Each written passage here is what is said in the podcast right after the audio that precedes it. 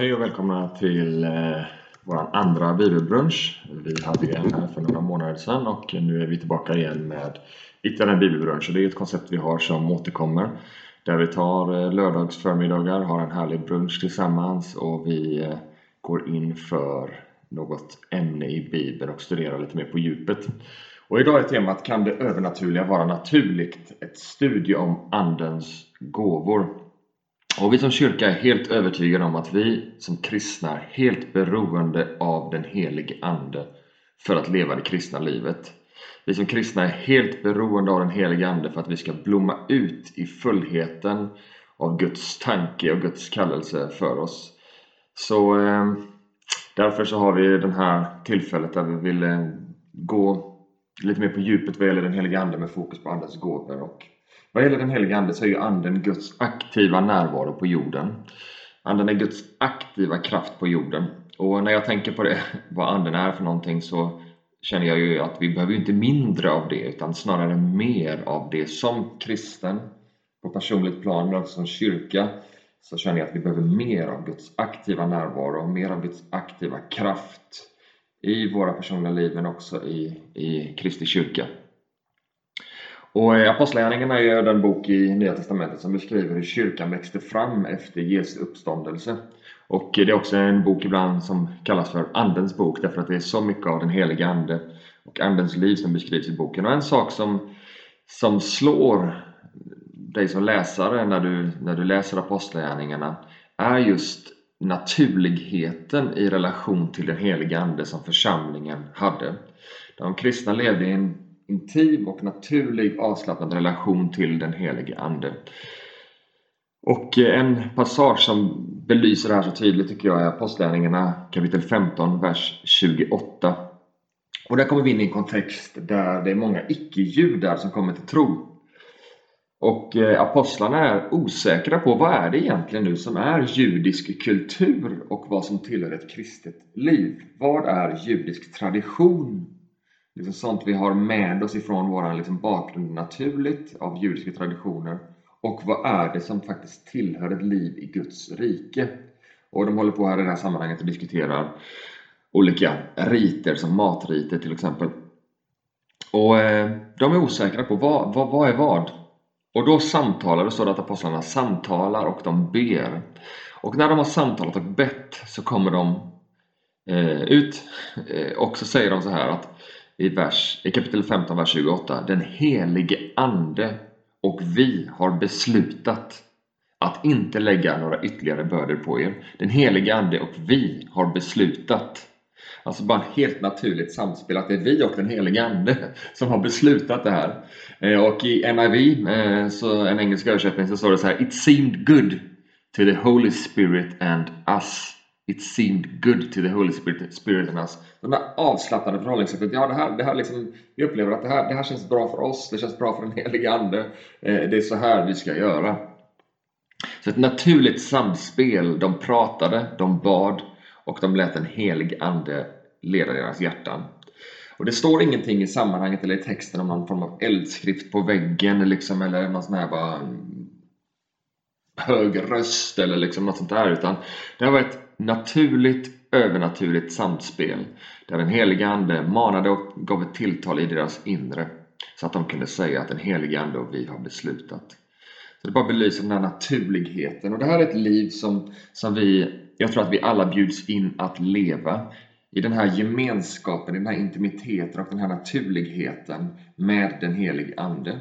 Så det här var inte förunnat bara apostlarna eller de kristna i apostlagärningarna att ha den här intima relationen med Gud genom den helige Ande, utan vi bjuds in i det här. Vi bjuds in i att leva i samma närhet med den helige Ande, så att vi kan leva ledda, fyllda av Anden. Vårt fokus idag är att se närmare på det som kallas för Andens gåvor. Och eh, vi kommer förklara mer längre fram vad det betyder, men först ska vi börja med att läsa det textsammanhang som mest utförligt i Bibeln beskriver just det som kallas för Andens gåvor och det är Första Korinthierbrevet kapitel 12 vers 1-39. När det gäller de andliga gåvorna, syskon, vill jag inte att ni ska vara okunniga. Ni vet att när ni var hedningar drogs ni oemotståndligt till de stumma avgudarna. Därför ska ni veta att ingen som talar genom Guds ande säger förbannelse över Jesus och att ingen kan säga Jesus är Herre annat än i kraft av den helige Ande. Det finns olika nådegåvor, men Anden är densamme. Det finns olika tjänster, men Herren är densamme. Det finns olika kraftgärningar, men Gud är densamme, han som verkar allt i alla. Men hos var och en visar sig Anden så att det blir till nytta. Den ene får av Anden ord av vishet, den andra får ord av kunskap genom samma Ande. En får tro genom samma Ande. En får gåvor att bota sjuka genom samma Ande. En annan att göra kraftgärningar. En får gåvan att profetera. En annan att skilja mellan andar. En får gåvan att tala olika slags tungomål. En annan att uttyda tungomål. Men i allt detta verkar en och samma Ande som fördelar sina gåvor åt var och en som han vill. Och vers 27. Ni är alltså Kristi kropp och var för sig delar av den.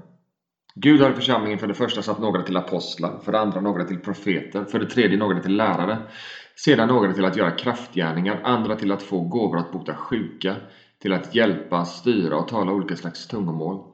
Alla är väl inte apostlar? Alla är väl inte profeter? Alla är väl inte lärare? Alla gör väl inte kraftgärningar? Alla har väl inte gåvor att bota sjuka? Alla talar väl inte tungomål? Alla kan väl inte uttyda? Men sträva efter det nådegåvor som är störst. Så lyder Herrens ord. Amen.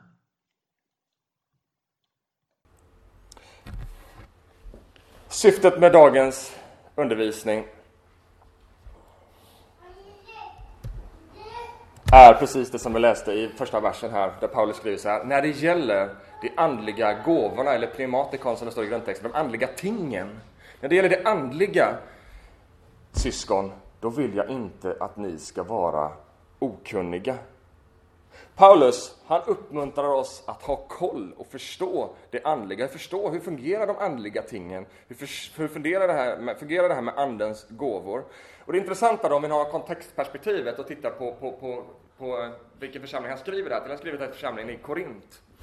Och vi hinner inte gå in jättedjupt på det, men, men det verkar som att han skriver det här till en församling som är helt bananas när det gäller det andliga och andliga gåvor. Korint verkade mer intresserad av det spektakulära kring det andliga, kring liksom gåvornas spektakulära natur, än att de här gåvorna skulle vara till uppbyggelse. De älskade det här med det andliga och de liksom övernaturliga uttrycken.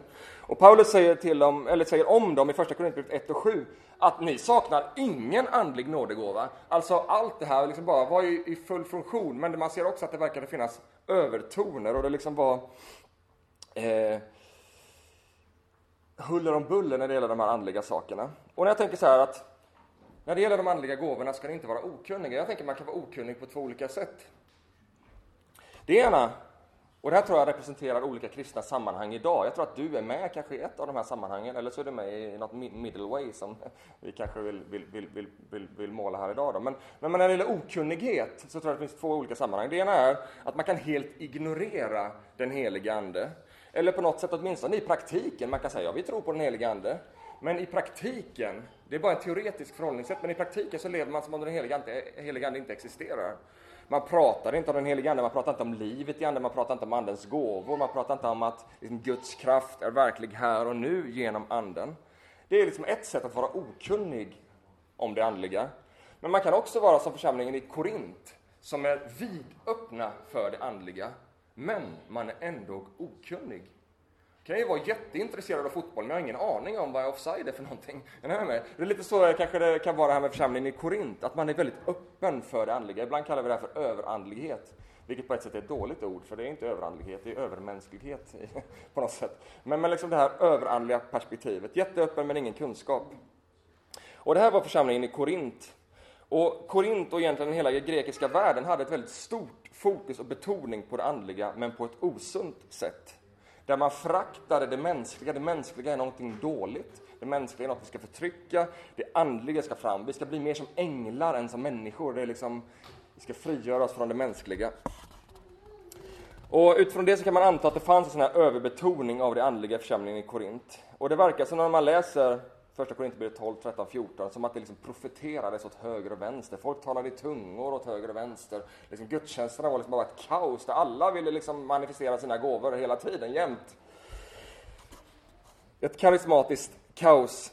Och jag tänker så här, att det logiska ur Paulus perspektiv, när man kommer till en sån här församling, här bara, vad håller ni på med? Det måste ju upplevts som bara, komma in i, i deras gudstjänst måste ju varit bara, vad, vad är det här? Jag drar.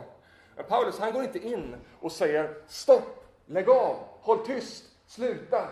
För det är min liksom, eh, första tanke, så här får vi bara gå in och avbryta alltihopa. Han gör inte det.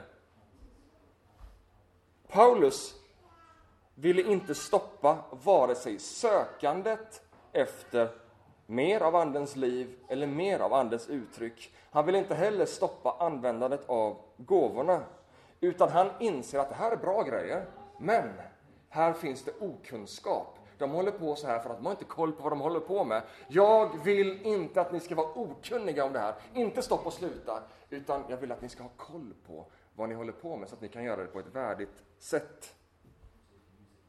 Istället för att säga stopp så ger han dem en lektion. Tre kapitel, eller egentligen hela Korinthierbrevet talar, båda Korinthierbreven talar mycket om anden, men här är det liksom tre kapitel som intensivt talar om det här perspektivet. En lektion i hur anden fungerar. Han betonar vikten av ordning, frid och värdighet. Och han gör det redan i första Korinthierbrevet, fjärde kapitel, där han säger att Gud är inte oordningens Gud, utan fridens Gud. Gud, han gillar inte nödvändigtvis oordning, men han gillar frid. Och så fortsätter han i första Korinthierbrevet 14, 39, 40. Hindra inte gåvorna. Så i det här sammanhanget där gåvorna fullt ut flödar sen, ja, det här ska vi inte hindra, det här är bra. Men låt allt ske på ett värdigt sätt och med ordning. Värdigt sätt och med ordning. Ibland har vi i kristna sammanhang, inklusive mig själv, satt ett likhetstecken mellan oordning och andlighet. Låt oss plocka bort alla ramar så att anden får fritt spelrum. Vi kan inte ha liksom en bestämd gudstjänstform, för då får inte anden plats. Kanske bara jag som har eh, hört eh, det, argumentet. Ofta så har man den typen av, av, av, av eh, resonemang. Men lyssna nu, det är inte oordning vi behöver för att anden ska trivas, utan vi behöver öppenhet mot anden. Vi behöver inte oordning, vi behöver öppenhet mot anden. Ett tydligt sammanhang, gudstjänstliturgi, tydliga ordningar är inte motsats till anden. Snarare så verkar Paulus mena att ordning är en bra miljö för det andliga. Men inte ordning så som i att vi ska ha kontroll på minsta detalj och ingenting får gå utanför ramarna. Utan ordning hand i hand med längtan och öppenhet för den helige Ande. Det verkar vara den väg som Paulus målar. Vi går vidare och någonting ska kommentera vem är då anden? Vi håller på att prata om anden här, men vem, vad är anden för någonting? Och det här blir en väldigt kort, det här kan man prata om jättelänge och treenighetsperspektivet och sådär, men kort och gott så är den helige Ande en person i treenigheten. Och vad innebär det att anden är en person i treenigheten? Jo, först innebär det att anden alltså är Gud. Anden är inte en sidosak till Gud. Anden är liksom inte som Guds hund som han är ute och går med som en liten sidogrej. Utan anden är Gud. Vi tror på Gud som är en i tre personer. Och treenigheten är ju ett helt ämne i sig. Men det viktiga, jag tänker, varför nämner jag det här? Men det viktiga är att ta med sig att anden är Gud. Och att anden är en person i gudomen. Ni vet, Fader, Son och Helige Ande, distinkta personer, men oskiljbara. Fadern är Gud, Sonen är Gud, Anden är Gud. På samma sätt som Fadern är en distinkt person, som Sonen är en distinkt person, så är också Anden en distinkt person i treenigheten, distinkt men oskiljbar. Och poängen med detta då, det finns många poänger, men en poäng med att den helige Ande i Bibeln inte beskrivs som en diffus kraft. För ibland har vi det här förhållningssättet till Anden som någon form av diffus kraft vi inte riktigt förstår oss på, vi inte riktigt kan hantera och som vi inte riktigt vet vad det är för någonting. Men poängen med att det inte är en diffus kraft som vi inte riktigt kan förstå, det är att det är en person. Och vad är det med en person? Jo, en person är någon man kan ha en relation till. Anden beskrivs i Bibeln med pronomen, alltså med han, tillskrivs liksom en person. Det är en person som vi kan förstå med attribut. attribut är till exempel att Joel är väldigt snäll. Då vet vi att det är en person, för en person kan vara snäll, han kan vara god. Anden beskrivs på det sättet som en person som vi kan ha en relation till. Så att anden är en person innebär att du kan växa i relation till den heliga anden. Den heliga anden behöver inte vara en diffus, liksom, konstig grej för dig som du inte riktigt vill hantera. Du kan växa i relation till den heliga ande och förståelse vem han är. Så att lära känna Gud, det är att lära känna Gud som tre personer. Gud som Fadern, Gud som Sonen och Gud som den helige Ande. Att ignorera den helige Ande, det där vill jag inte riktigt ha med att göra. Det verkar konstigt, det verkar okontrollerbart. Det är faktiskt att ignorera Gud. Det är faktiskt inte att ta, att ta på allvar vem Gud är och att lära känna honom på djupet. Så att vi bjuds in att lära känna den helige Ande. Varför behöver vi Anden? Genom hela Bibeln så beskrivs Anden som Guds aktiva kraft på jorden, som Guds närvarande och aktiva kraft på jorden. Vi pratade precis här innan vid kaffet att redan i skapelseberättelsen så är Guds ande svävar över mörkret. Och när det talat var det ljus, så skapar krafterna där och skapar liv, får ordning på saker och ting. Anden är Guds aktiva närvaro och verksamma kraft på jorden. Och Jesus sa till sina lärjungar i Johannes 16 och 7 om Anden. Det är för ert bästa som jag går bort. Det är för ert bästa som jag lämnar. Jag tänker stå där med Jesus, det kan, inte, kan det vara något bättre? Jesus säger själv att det är för ert bästa som jag går bort. Kristi himmelfärd firade vi häromdagen. Det är för ert bästa som jag stiger upp till himlen. För om inte jag går bort så kommer inte hjälparen till er. Men när jag går bort ska jag sända honom till er. Anden. I Jesus, Kristus, så var Guds vilja, Guds närvaro och Guds kraft inkarnerad i en människa förkroppsligad på jorden. På ett sätt är det så med Anden, att genom Anden, det är Guds sätt att inkarnera sin närvaro och sin kraft och sin vilja i sin församling, i oss som tror. Så när Jesus går upp, så sänder han Anden till oss för att inkarnera i oss Guds vilja, Guds kraft, Guds närvaro. Ja, men vad då blir vi som Jesus då? Självklart inte. Jesus var ju Gud. Du kommer aldrig bli Gud. Du är människa och det är underbart. Så inte på samma sätt som fullkomligt i Jesus. Men till viss del genom att Anden tar sin plats i sin församling, tar sin plats i dig och mig. Genom den helige Ande så bekläds Kristi kyrka med Guds kraft och potential att göra hans vilja och fullborda hans verk på jorden.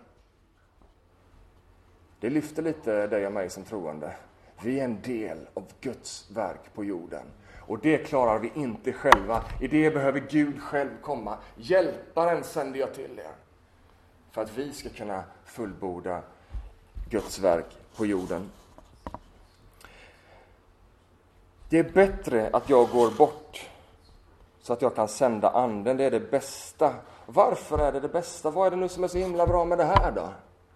Och jag har liksom på något sätt skummat igenom min bibel, lite mer än att skummat får jag nog säga. Men jag har tittat igenom, vad, vad liksom säger bibeln om hur anden verkar i oss som tror. Så jag har sammanställt, det kommer gå ganska snabbt här för att vi ska hinna, hinna med någonting här. Eh, men jag har sammanställt en, en, en, lista med ett antal bibelställen som talar just om detta, hur anden verkar i oss som tror.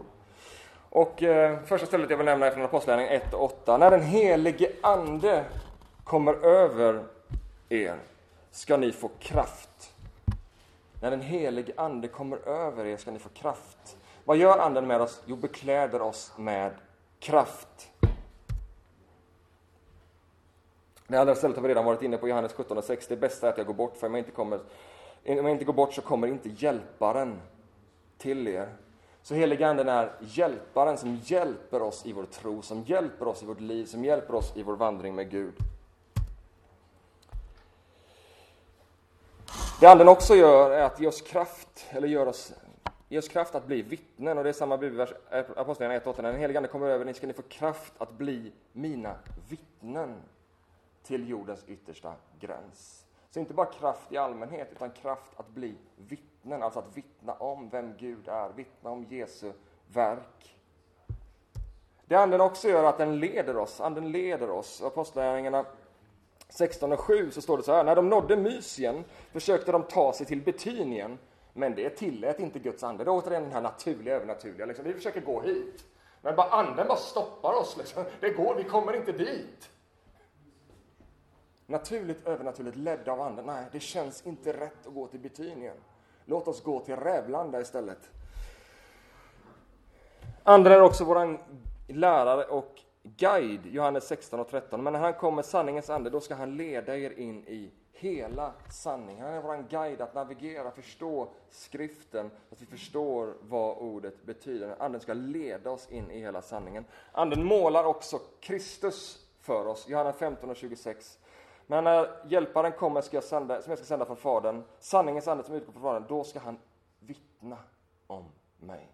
När anden kommer, då ska han vittna om mig. Det är också en tröst i vårt vittnesbörd när vi vittnar för andra människor och delar vår tro.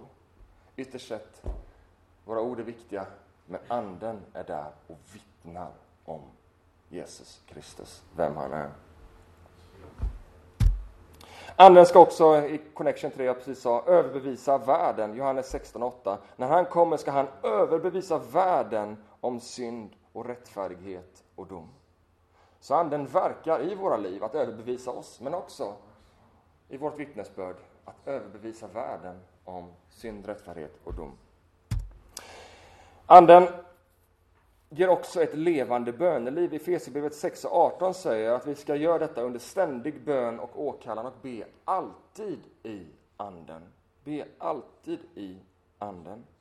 Ett annat ställe så står det att Anden eh, kontinuerligt suckar och manar och ber böner utan ord i vårt inre. Så Anden ger ett levande böneliv. Anden liksom gör bönen verksam och levande i oss. Anden formar också Jesus likhet. Galaterbrevet 6 och 16 och 22. Vandra i anden, så gör ni inte vad köttet begär. Andens frukt däremot är kärlek, glädje, frid, tålamod, vänlighet, godhet, trohet, mildhet, självbehärskning. Vandra i anden, så ska detta växa fram i våra liv. Jesus likhet.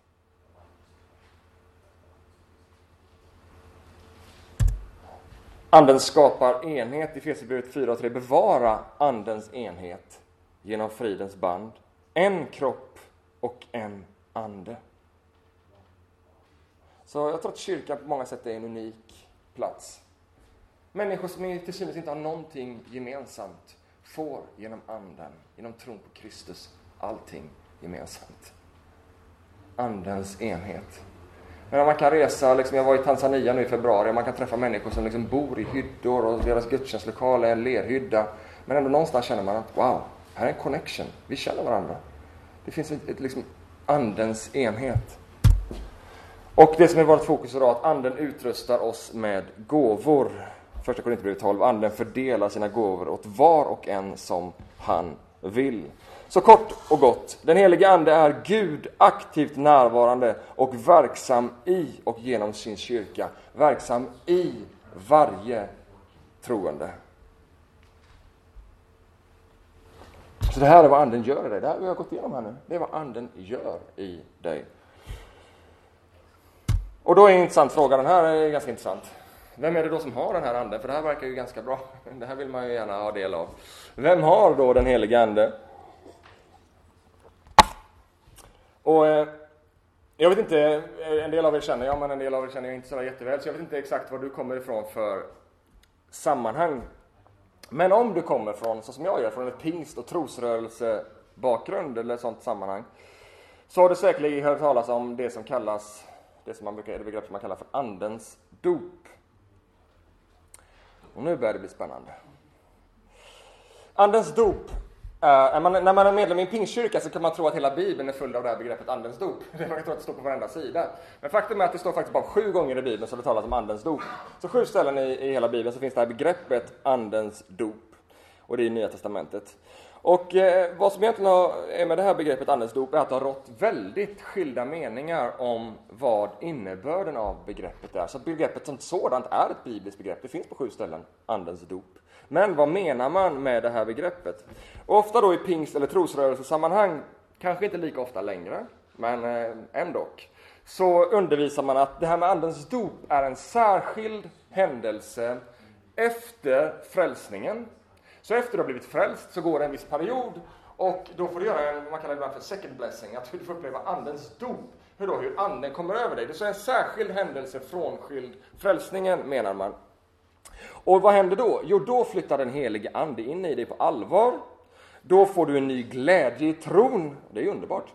Eh, och då får du uppleva andens gåvor i funktion. Och om det ska vara på riktigt så ska du tala i tungor, vilket vi kommer att tala mer om senare. Det här med att tala i tungor. Men det är liksom vad man, vad man inom då klassiska pingstsammanhang och trosrörelsesammanhang undervisar om andens dop. Alltså att du i frälsningen skulle ta emot Jesu verk och att du senare behöver ta emot anden och andens verk. Som två olika liksom, paradigm som samverkar. Men jag vill utmana den här tanken. Jag vet inte hur många av er som lever med det här perspektivet eh, som jag precis har berättat. Men jag vill utmana den här tanken att andedopet är en separat händelse efter omvändelsen då du skulle få del av den helige Ande. Därför att jag är helt övertygad om, utifrån Bibeln, att det som Bibeln beskriver och kallar för andedop faktiskt är det som sker vid omvändelsen. Jag har haft det andra perspektivet. Jag är uppvuxen i pingstkarismatisk trosrörelsesammanhang och jag har stått och vurmat för det andra perspektivet. Men ju mer jag har studerat Bibeln så inser jag att det kan inte vara så. Utan det kan inte vara en skild händelse från frälsningen. Och liksom, rent logiskt kan man tänka så här, hur kan Gud vara delad? Liksom, det är inte så att du kan få, tänker jag då, Gud, en del av Gud vid frälsningen.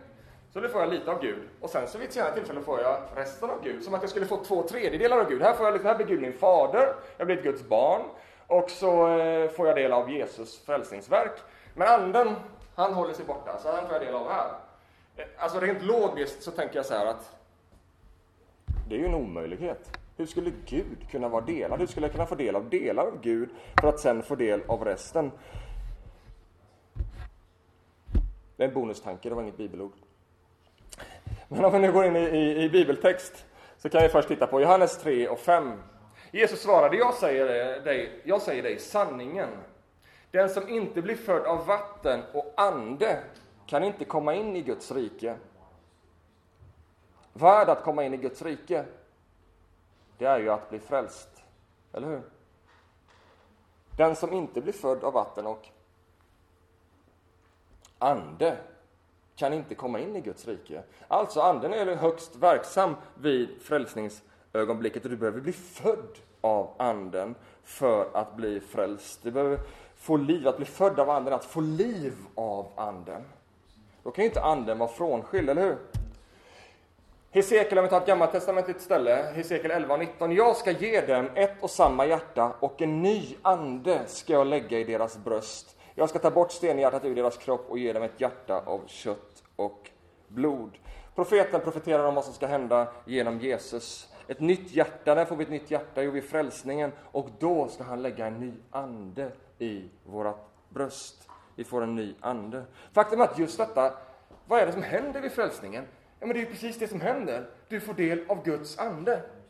Det frälsningen är inte en tankebana i huvudet, ja, men nu tror jag på Jesus och att den tanken skulle frälsa dig.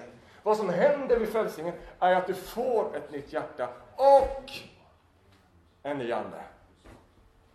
Det är själva grejen. Paulus talar om det här som ett sigill, alltså ett kännetecken. Ett sigill är något man stämplar för att veta vem det tillhör. Så vad händer? Jo, vi får anden som ett sigill på att vi tillhör Jesus. Vid frälsningen så tillhör vi Jesus, vi blir ett Guds barn. Vi får anden som ett sigill. Första Korinthierbrevet 3 och 16. Vet ni inte att ni är ett Guds tempel och att Guds ande bor i er? Det här är inte riktat till en speciell grupp. Ja, ni som har upplevt den här särskilda händelsen, talar ut till de troende i Korint. Att vet ni inte, ni är ju ett Guds tempel och att Guds ande bor i er. Första Korinthierbrevet 6.11 ni har förklarats rättfärdiga i Herren, Jesu Kristi namn och i vår Guds ande. Så återigen kopplas rättfärdigheten med anden. Och i, i kapitel 6, vers 17. Men den som är förenad med Herren Jesus är en ande med honom. Vet ni inte i vers 19 att er kropp är ett tempel för den helige Ande som bor i er och som ni har fått av Gud? Alltså Paulus bara trycker in där. Fattar ni inte vad som har hänt med er när ni tog emot Jesus Kristus? Ni har fått en ny ande. Ni har blivit tempel för den helige Ande. Så lever du inte hur som helst. Därför att helig Ande bor i er. Första Korinthierbrevet 12 och 3. Ingen kan säga Jesus är Herren, så vi kan inte ens komma till tro vi kan inte ens bekänna att Jesus är Herren och bli frälsta utan att Anden verkar i oss. Och till sist, där Paulus slår ner spiken i kistan. Första Korinthierbrevet 12.13. I en och samma ande är vi alla döpta för att höra till en och samma kropp vare sig vi är judar eller greker, slavar eller fria. Och vi har alla fått en och samma ande utgjuten över oss. Vad säger Paulus? Han säger att genom en och samma ande har vi blivit vadå? Döpta. Vi har blivit döpta av anden. Och vad händer då? Jo, vi blir del i en och samma kropp. Var, när blir du del av Kristi kropp? Vid frälsningen. Det är alltså frälsningsundret är att vi blir döpta och uppfyllda av den helige Ande. Så att vi får den helige Ande som ett tecken på att vi är Guds barn. Att vi tillhör Kristus. Och vi har alla fått en och samma ande utgjuten över oss. I frälsningen blir vi genom Andens dop förenade med Kristus. Så det här med att Andens dop skulle vara en särskild händelse frånkopplad frälsningen är en teologisk position ganska svår att försvara, skulle jag vilja hävda. Eh, det, det, liksom, det, går inte riktigt, därför att bibelorden är uppenbara. Men däremot kan erfarenheten vara annorlunda. Erfarenheten av det här med Andens liv kan vara annorlunda. Teologiskt och faktiskt är jag helt övertygad om att det här sker vid frälsningen. Vi får del av Guds ande, vi blir uppfyllda av anden. Men erfarenhetsmässigt så kan jag ju uppleva allt det här liksom att, att jag en händelse efter frälsningen, oj, jag fick en förnyad glädje i min tro, och oj, här började jag visst profetera, vad hände här? Och, oj, här hände det massor spännande saker. Jag har en sån erfarenhet efter min frälsning, där jag liksom fick bara en sån här riktig boast och det är liksom vad Paulus talar om som, som en uppfyllelse av Anden. Där vi kontinuerligt ska låta oss uppfylla oss av Anden. I Apostlagärningarna beskrivs det gång på gång hur lärjungarna återigen blev uppfyllda av den helige Ande.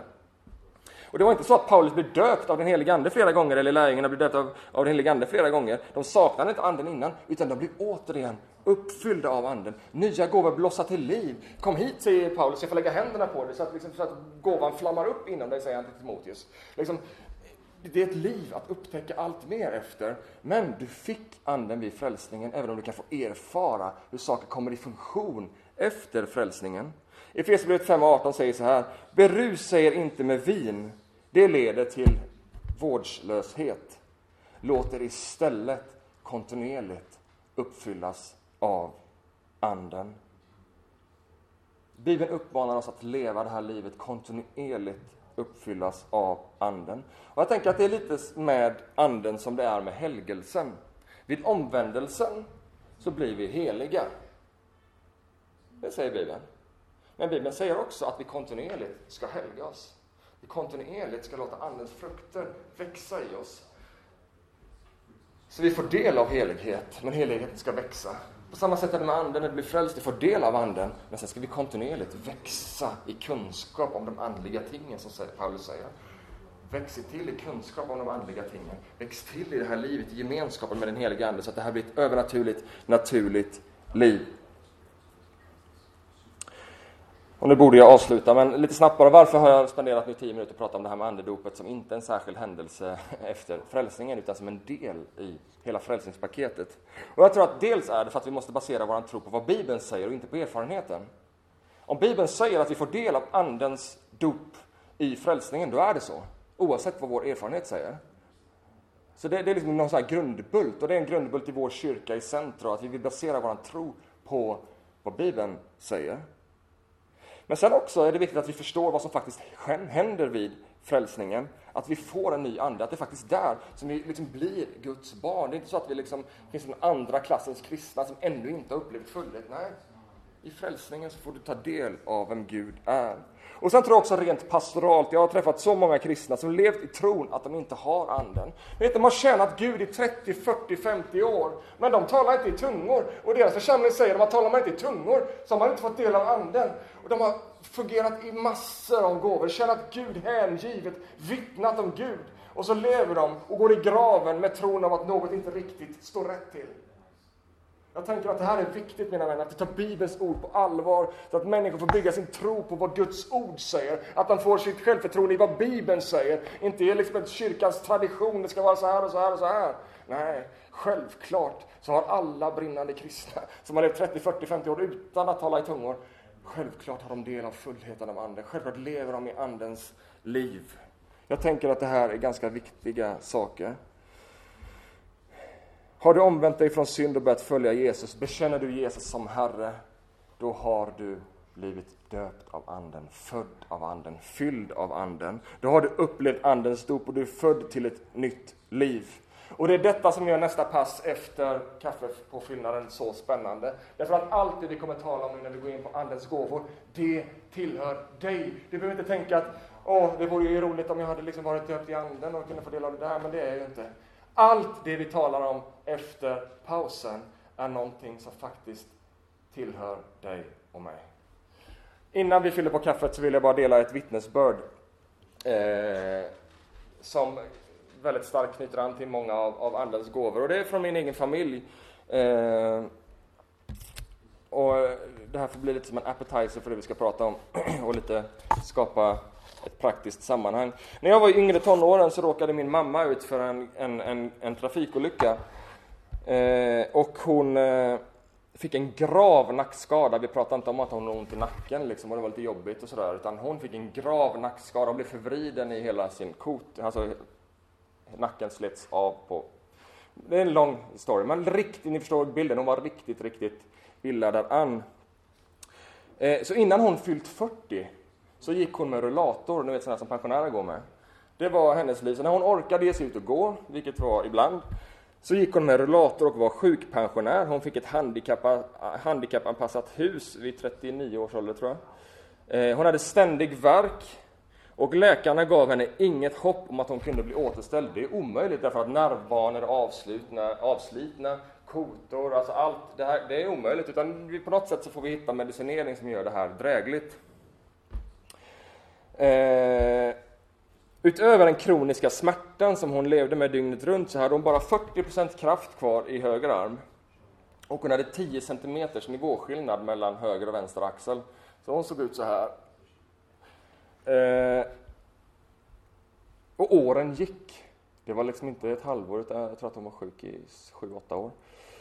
Eh, hon hade svårt att läsa. Hon, eller hon kunde inte läsa därför att på grund av smärtan och den starka medicineringen så bara allt bara flöt ihop. Eh, hon levde ett väldigt begränsat liv. Eh, men inför en jul, jag bodde fortfarande hemma då, så, så fick jag som en blixt från klar himmel, jag ska köpa den här boken Gudomligt helande med Anita Barker. Den ska jag ge till mamma i julklapp. Och jag visste ju att hon inte kunde läsa. Jag visste att hon skulle se det som en provokation. Varför ger du mig en bok? Jag kan ju inte läsa. Jag visste att det skulle spä på hennes liksom, eh, känsla av att livet suger. Eh, men någonstans så bara, jag ska bara köpa den här boken. Det är inga konstigheter. den ska jag köpa, den ska jag ge till henne. Det fanns ingen som helst tveksamhet. Julafton kom, hon fick boken och hon tänkte så här, vilket hon berättar, vad ska jag med den här till? jag kan ju inte läsa. Men jag visste, att du ska ha den här boken. Okej, okay, så hon la den på nattduksbordet. Jag kan inte läsa den, låg där liksom. Och sen flyttade hon väl bort den, för den var bara jobbig att den låg där. Men boken var där. Men så kom nyårsafton och vi skulle ha nyårskonferens. Så det är någon vecka senare då. Och då vaknar mamma på morgonen och så, så säger, min pappa var pastor så att det var han som arrangerade den här nyårskonferensen. Och då vaknade mamma på morgonen och vi satt och skulle äta frukost och så sa hon att till pappa Dan, jag tror inte jag orkar följa med på den här konferensen. Faktum är att jag orkar nog inte leva ett år till. där i den smärtan, och det var på riktigt liksom, det var, livet var så trasigt. Och då kom orden till pappa vid frukostbordet. Anneli, detta är ett nytt år. Det här året kommer inte vara likt andra år. Det här är en ny tid. Och jag vet inte om du varit med om det, men ibland så blir sådana här stunder sådär heliga. Man känner att wow, vi står på helig mark. Det här var inte bara liksom uppmuntrande ord, utan det här var Gud-ord. Det här var, oh, vad hände här? Atmosfären förändras. Eh, och någonting händer med mamma den dagen. Hon får på något sätt hoppet tillbaka. Hon liksom börjar känna att någonting, ah, vad är det här? Jag följer nog med på den här konferensen. Så hon följer med på konferensen. Och i lovsången, det är liksom lovsång, det är högljutt och det är fullt ös, det är konferenslovsång. Så kommer en av församlingens ledare fram till mamma och frågar om man får be för henne.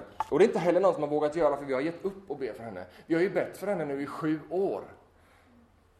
Men han känner i lovsången, jag ska gå fram och be för henne. Ja, du får väl be för mig. Och i bönen så känner han, Anneli, jag har ett tilltal till dig. Under det här året så kommer din nacke bli stark som en oxe. Och sen går han och sätter sig. Och någonting ytterligare bara händer i henne. Vad är det som händer? Hon känner i sin kropp att fysiskt någonting händer. Hon känner i sina tankar, i alltihopa. Och hon går hem och blir så nyfiken. Jag ska nog plocka fram den där boken om gudomligt helande.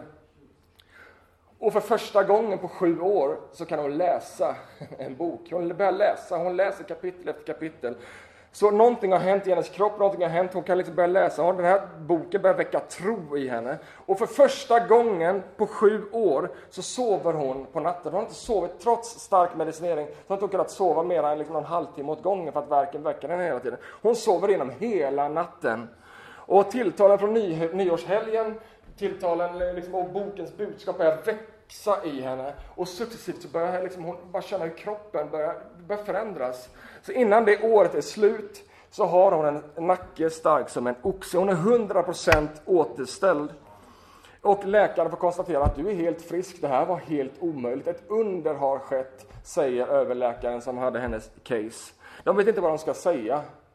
Och Försäkringskassan hade ju sjukpensionerat henne. De har, inget, de har inget system för att återföra en sjukpensionering. Det har aldrig hänt. Det finns inte i deras system. att Man liksom så vet inte hur de ska göra. Så det blir ett specialfall för att liksom återinföra henne i, i arbetslivet. Så det här är en story från min familj, högst verkligt. Och jag blir väldigt rörd när jag berättar om det för att jag har levt i det här. Eh, men det är en story där vi ser flera av Andens gåvor i funktion. Och det kan man tycka, det är inte särskilt spektakulärt. Nej, därför att Anden verkar övernaturligt naturligt. Små tilltal vid frukostbordet, en bok där, en får jag be för dig i, i, i, eh, i, i lovsången. Och där tror jag att det är dags för oss att vi börjar leva som att Anden är en verklighet. Om vi aldrig ber för någon, hur ska vi då kunna se Anden verka? Om vi aldrig sträcker ut vår hand till den som är sjuk, hur ska vi då kunna se Anden verka? Jag vill med den här bara väcka, wow, det här är någonting vi kan få leva. Min pappa är en högst naturlig enkel man och han var en del av detta. Jag är också en högst naturlig. Och alltså, det var inga så här superhelande evangelister inblandat, utan helt naturligt, övernaturligt. Varsågod och fyll på kaffe och ha det gött.